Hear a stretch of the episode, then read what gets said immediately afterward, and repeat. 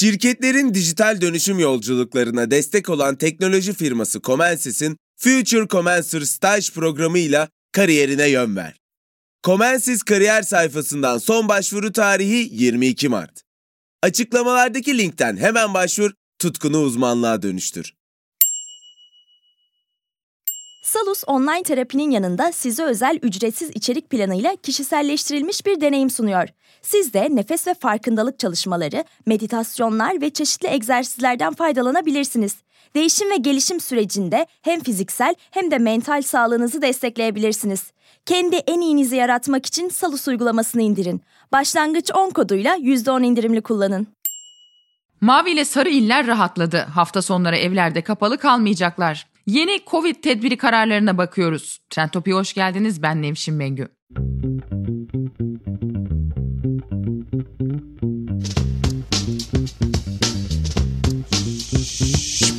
Türkiye pek çok devlete nazaran coğrafi alan ve nüfus itibariyle büyük bir ülke olduğu için adımlarımızı kademeli şekilde atmamız gerekiyor.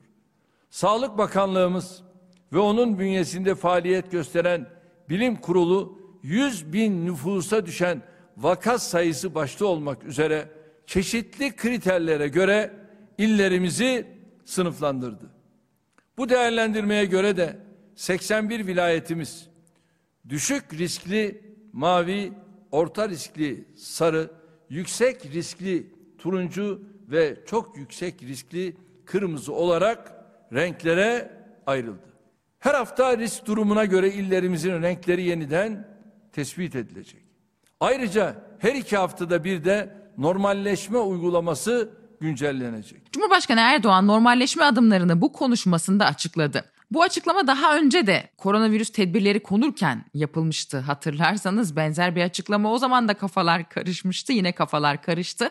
Tam anlaşılamadı. Sağlık Bakanlığı'nın yayınladığı il il vaka sayılarının durumu haritası Meraklara bir miktar giderdi. En fazla vakanın görüldüğü iller kırmızı, daha az vakanın görüldüğü iller turuncu, daha da az vakanın görüldüğü iller sarı, en az vakanın görüldüğü illerde maviye boyanmıştı. Güneydoğu Anadolu illeri ve Uşak mavi renkteydi. Haritada epey mavra konusu yapıldı.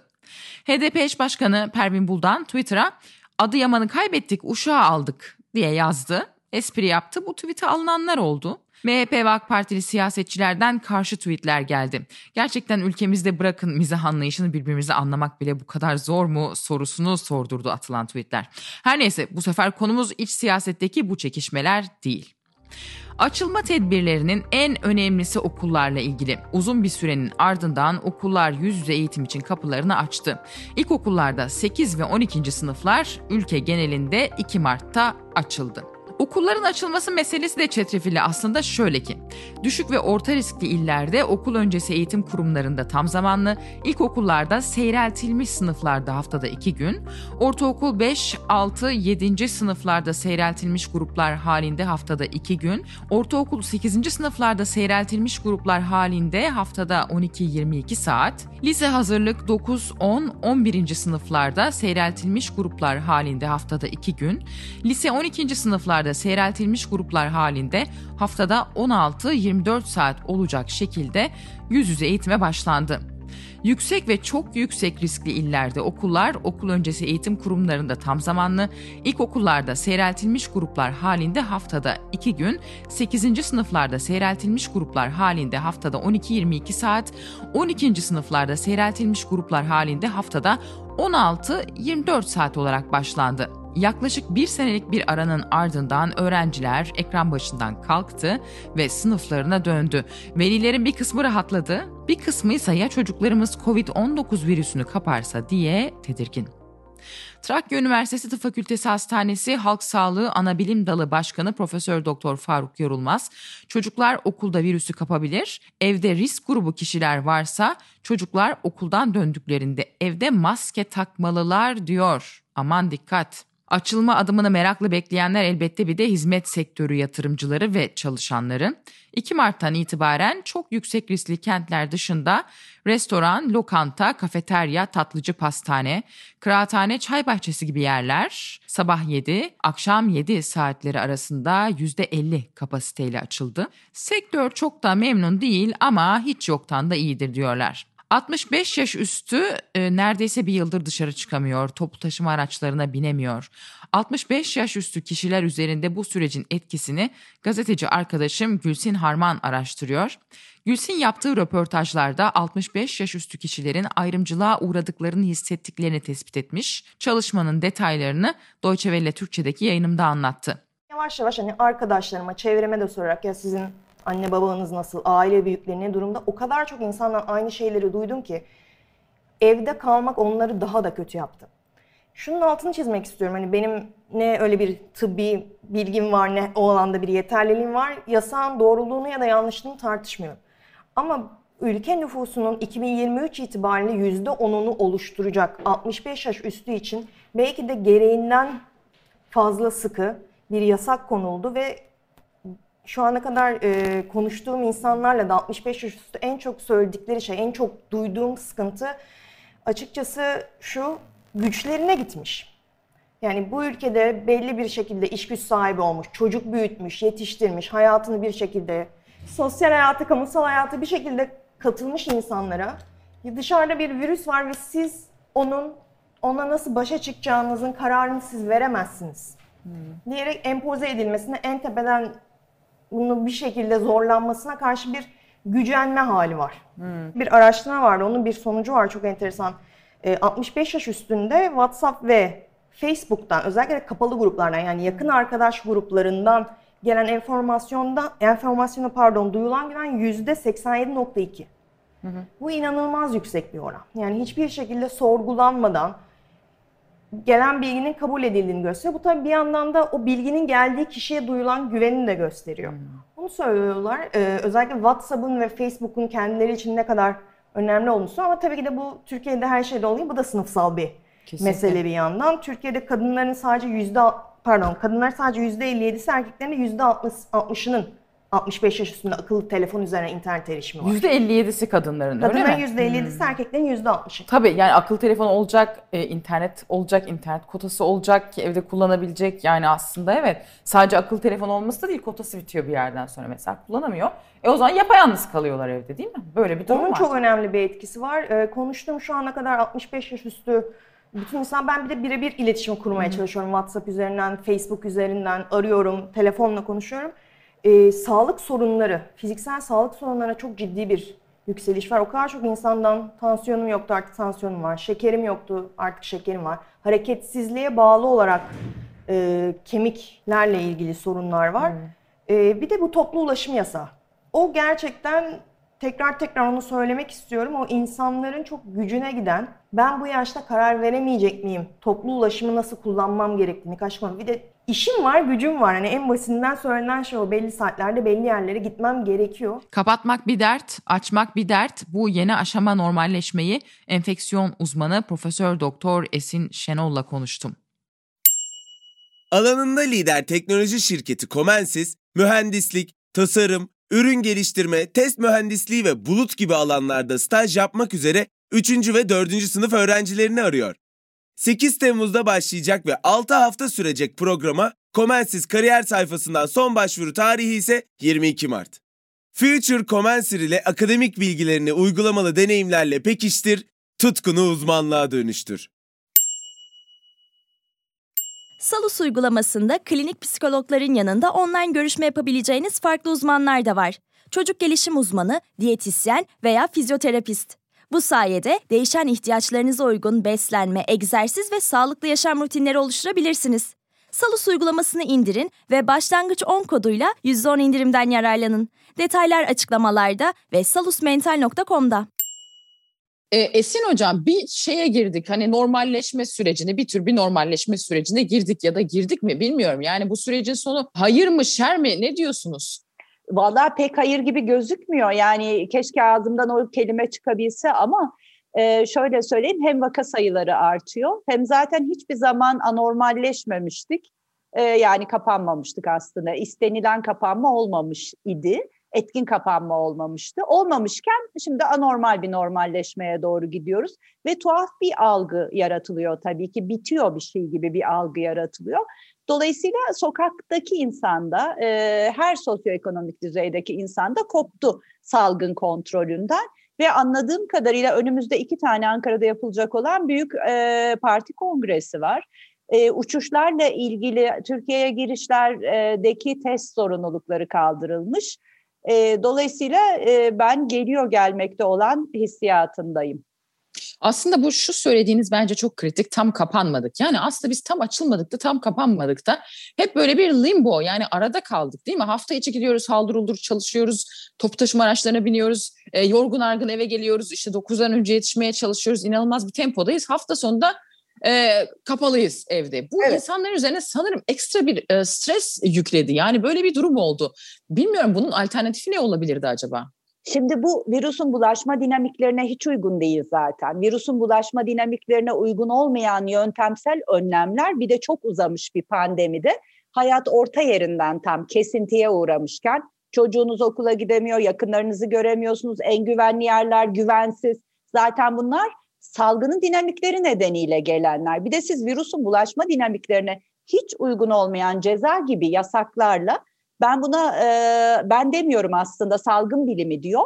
Taktiksel yönetim diyorlar buna. Taktiksel yönetim bu e, bir ileri iki geri demek oluyor. Bu yüzden de açılmalar ve kapanmalar bazı gruplar için tam bir cezaya dönüşüyor. Sadece hayat kesintiye uğramıyor temel ihtiyaçlarını gideremez hale geliyor bazı gruplar. Oysa yöntemsel önlemlerde artık 13 aydır bunlar virüsün dinamiklerine uygun bir şekilde tanımlandı.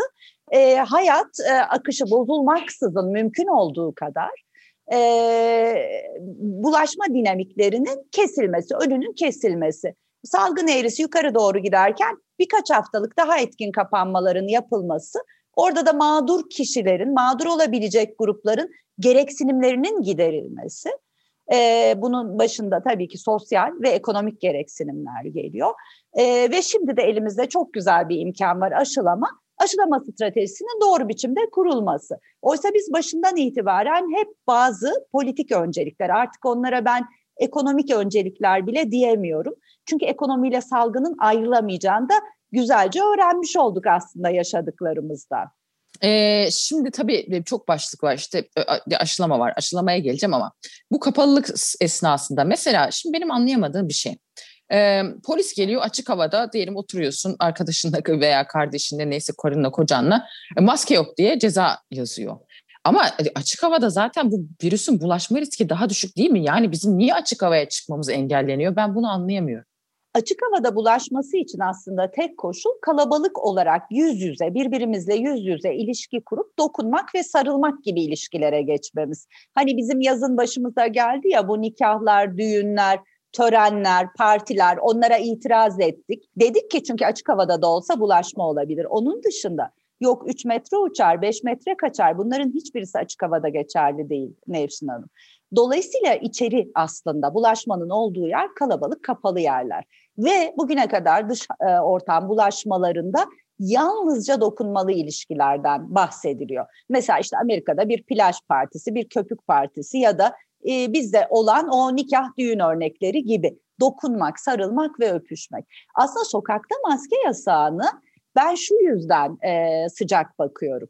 Yani görüntü olarak hatırlatalım insanlara sürekli bunu. Hani Sokakta hmm. kalabalıklaşmadığımız duraklar, otobüs durakları, işte yan yana oturmadığımız park e, bankları dışında hiçbir bulaşma riski yok. Yan yana geçerken vesaire. Ama Türkiye çok omuz omuza yaşayan, çok kalabalık yaşayan ve yüksek sesle gürültülü konuşan bir toplum. Dolayısıyla bizim bu özelliklerimize de baktığınız zaman sokakta bir kaçış olmasın tamam maske. Ama maske cezasının o şekilde kesilmesi gerçekten tam bir eziyet ve aslında bir gösteri.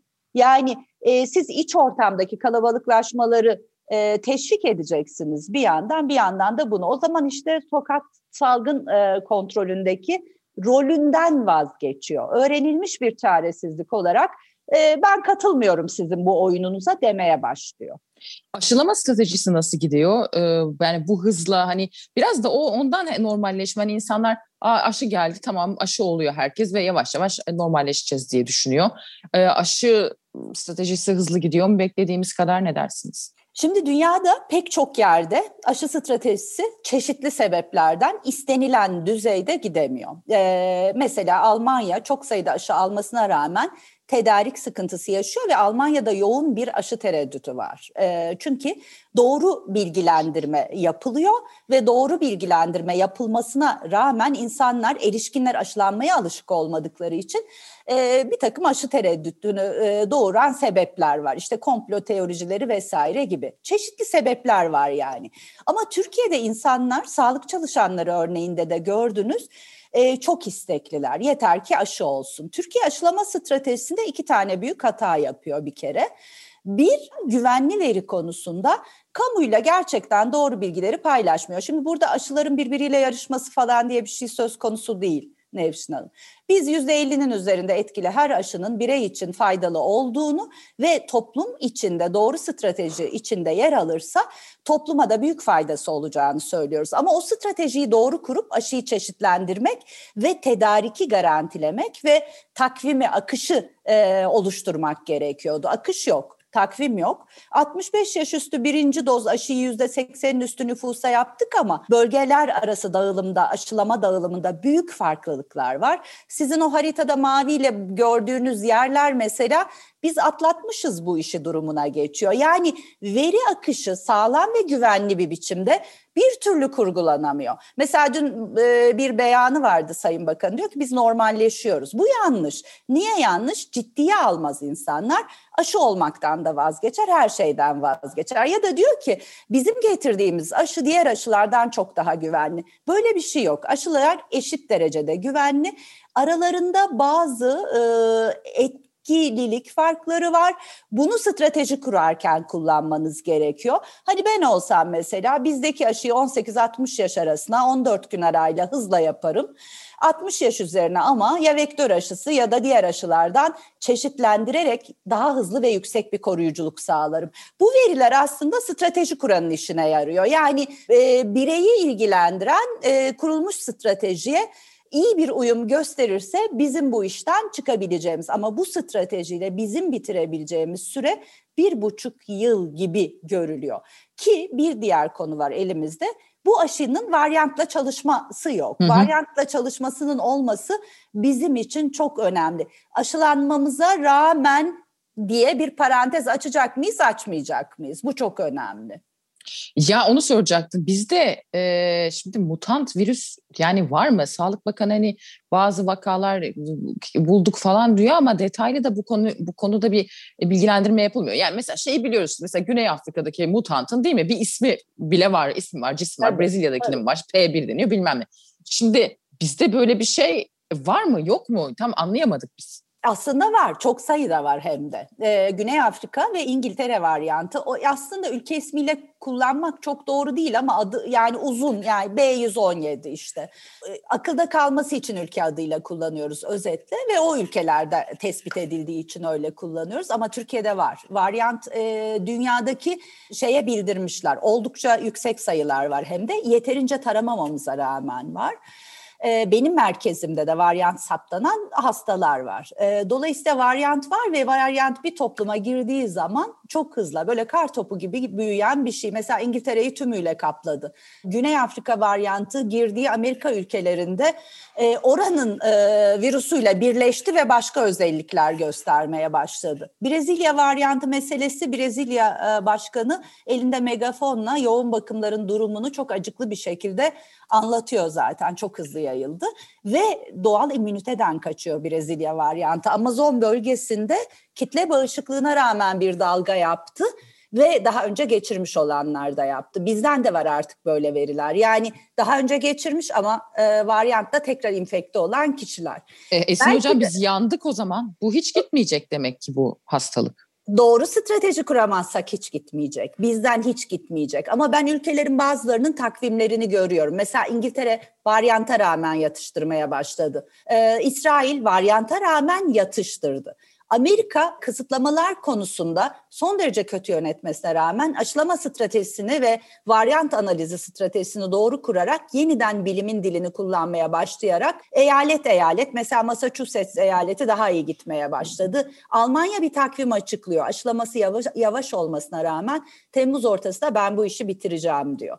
Ee, beklemediğim kadar yavaş giden Kanada vesaire var. Onlar nasıl bu aşılama stratejisini e, yürütecekler bilmiyorum ama çok etkin kapatma yapıyor onlar da. Biz şu anda evet yani belki Karadeniz bölgesinden kendi varyantımız bile çıkabilir bizim onu söyleyeyim. Çünkü Karadeniz bölgesindeki o kırmızılığın nedeni varyant değil ama o varyant o kırmızılıkta e, zaten yaşam alanı bulacak. Hmm. Ee, yani evet bu tabii düşündürücü ve korkutucu bir tablo. Ee, burada aşı şimdilik bu varyantlarda işe yarıyor deniyor ama yaramadığı bir noktada gelebilir değil mi? Aşının yaradığını bilmiyoruz. Çünkü böyle bir çalışma yok Nevşin Hanım. Çalışma olmadan nasıl bilebiliriz ki? Mesela çok iddialı bazı aşıların yüzde 40 kadar bir etkililik azalması. E, antikor düzeylerinin de 10 katı kadar olma gereksinimi var. Yapılan çalışmalar bunu gösteriyor. Yani mesela çok iddialı aşı mRNA aşısı İngiltere varyantında iyi ama Güney Afrika varyantında yüzde 50'lere kadar inebiliyor etkisi. O zaman stratejinizi değiştirmeniz gerekir. O zaman aşılayacağınız gruplar ve aşılama hızınızı değiştirmeniyi gerekir. Şimdi biz veriyi önümüze almayarak karanlık bir tünelde kalmayı ee, ve bir gün bir mucizenin bizi kurtarmasını bekliyoruz. Benim Türkiye'ye dışarıdan şöyle bakabilsem söyleyebileceğim bu olur. Yani serin kanlı bir bakışla söyleyebileceğim şu olur. Aa bunlar hiçbir şekilde salgını donelerle, verilerle, ölçütlerle yönetmiyorlar. Günü geçirmeye çalışıyorlar ve bir gün bir mucizenin olmasını bekliyorlar. O mucizeye kadar sağ kalmaya çalışıyor bir grup insan derim. Yani daha serin kanlı bir bakışla ama sık sık ben de serin kanlılığımı yitiriyorum tabii ki. Çünkü çok bıktık ve usandık. Onu söyleyeyim sağlıkçılar olarak biz. Siz sağlıkçılar olarak vatandaş da e, vatandaş olarak özellikle tabii hizmet sektörü çok ciddi darbe aldı bir yandan bu kapalılıklardan. Restoranların açılmış olması e, sizce nasıl etkileyecek? Yani aslında restoranlardan mı yayılıyor? O da kocaman bir soru işareti tabii. Tabii yani siz e, filyasyon diye bir şey yapıyorum diyorsanız aslında filyasyonun karşılığı tek tek bu sor- sorularınızın cevaplarını vermektir. Şunu da söylemektir yani Türkiye'nin öncelikle bulaştığı yerler şunlar demektir. Biz daha okulların bulaşmaya ne kadar katkısı olduğu verimiz yok. Belki Türkiye'de oluyor çünkü biz Hollanda'daki e, okulların e, düzenini sağlayamıyoruz. Almanya'daki okulların düzenini sağlayamıyoruz. Hiçbir zaman Hollanda'daki ve Almanya'daki salgın düzeylerine indiremedik salgın düzeyimizi ama belki bunların cevabı yok. Belki bizde bulaşma noktası ona benceyi de ekleyeyim. Bence bunun salgının bulaşma noktası iş yerleri. Birinci olarak iş yerleri. Yani 18-60 yaş arası o sakin sakin ortalıkta dolaşırken hasta olan grup. Onlar eve getiriyorlar. Onlar çocuklara getiriyorlar. Sonra bulaşmanın buluşma noktaları oluşuyor. Ama e, dinlerken bir bilim kurulu üyesinin mesela restoranlar çok önemli bir bulaşma noktasıydı diye ağzından bir cümle kaçırdığını duydum. Nedense bu veriler varsa paylaşılmıyor, bu veriler yoksa artık 13. ayda bu kabul edilebilir bir şey değil. Peki hocam çok teşekkür ederim. Çok sağ olun. Ben de çok teşekkür ederim. Kolay gelsin. Sağ olun Mersi. Bu arada kimi iller açılırken kimi daha da kapanıyor. Ona da değinmeden geçmeyelim. Kırmızı illerden biri Amasya. Sağlık Bakanlığı'nın verilerine göre haftalık 100 bin nüfusa karşılık gelen COVID-19 vaka sayısı 110.5. Amasya valisi Mustafa Vasatlı, mutasyonlu virüsün kentte bulunduğunu belirterek Amasyalıları 14 gün evden çıkmamaya çağırdı. Çok yüksek riskli il olarak kırmızı kategoride bulunan bir başka il Aksaray'da pazar günü sokağa çıkma kısıtlamasında bakkal ve manavlar da kapalı olacak. Vali Hamza Aydoğdu pazar günleri hiçbir şekilde sokağa çıkmamaları için vatandaşları uyardı. Cumartesi günleri sokağa çıkma kısıtlamasının olmadığını hatırlatan Aydoğdu, pazar günü ise her yer kapalı, evden çıkmayın dedi.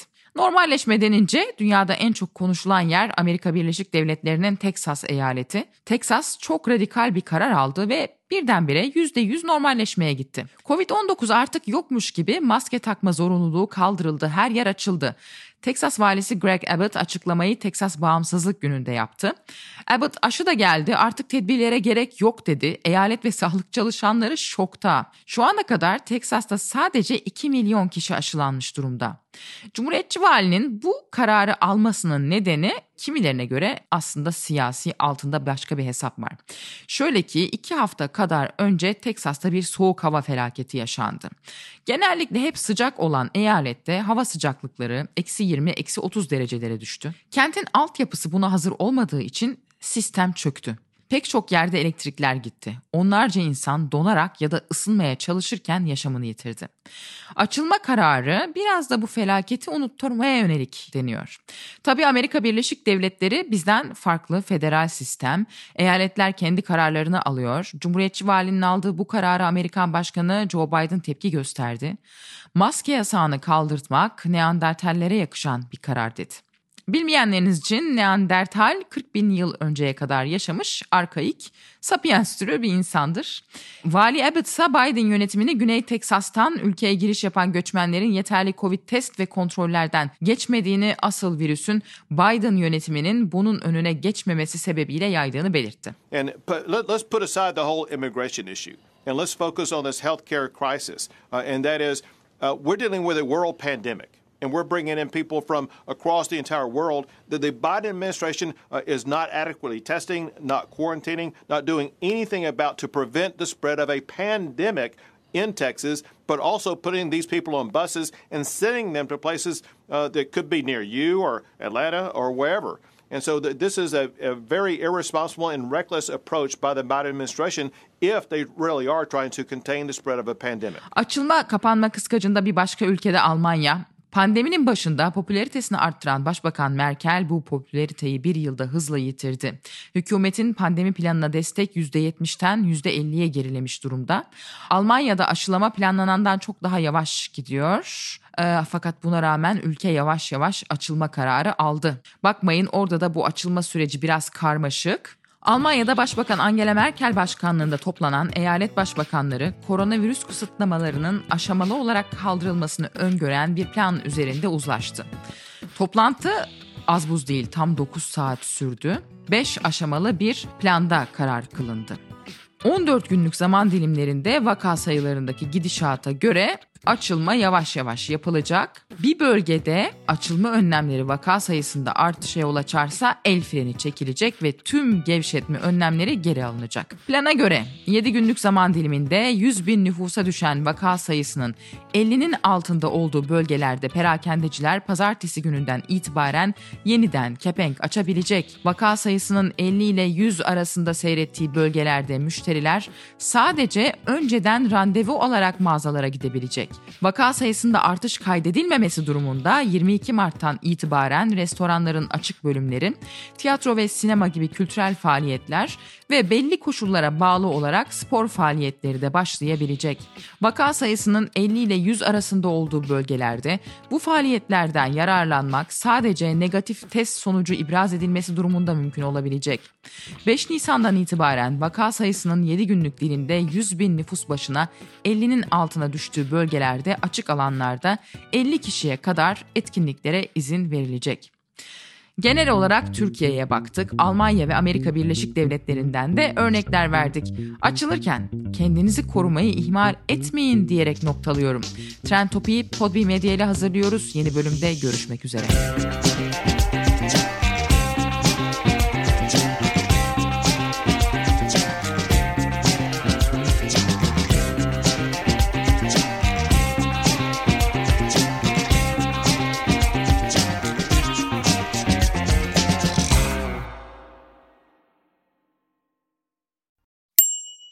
Future Commencer staj programı ile kariyerine yön ver.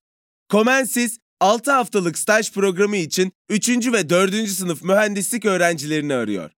Comensis kariyer sayfasından son başvuru tarihi 22 Mart. Açıklamalardaki linkten hemen başvur, tutkunu uzmanlığa dönüştür. Salus yetkin psikologları ile terapiyi her yerden ulaşılabilir kılmaya devam ediyor. Yaşam tarzı değişiklikleri, adaptasyon sorunları, yalnızlıkla başa çıkma gibi konularda online terapi desteği için Salus uygulamasını indirin. Başlangıç 10 koduyla %10 indirimli kullanın.